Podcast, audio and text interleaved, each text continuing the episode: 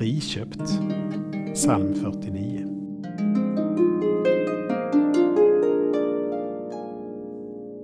Att köpa sig fri är dyrt. Man kan aldrig betala priset för att få leva evigt.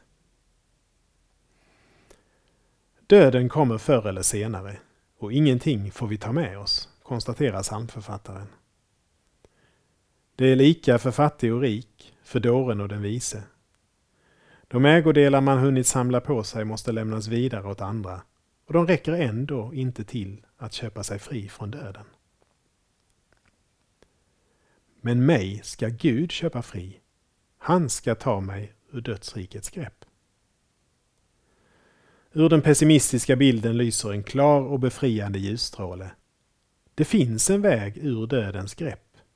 Gud ska köpa mig fri. Psalmförfattaren lever på löftet. Vi lever i en tid då den första delen av löftet är uppfyllt. Gud har köpt oss fria till priset av sin son Jesus Kristus. Den andra delen av löftet får vi se fram emot. Ännu är vi märkta av döden, men på den yttersta dagen ska han ta mig ur dödsrikets grepp. Vi ber.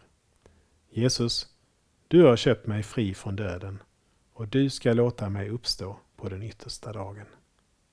Amen.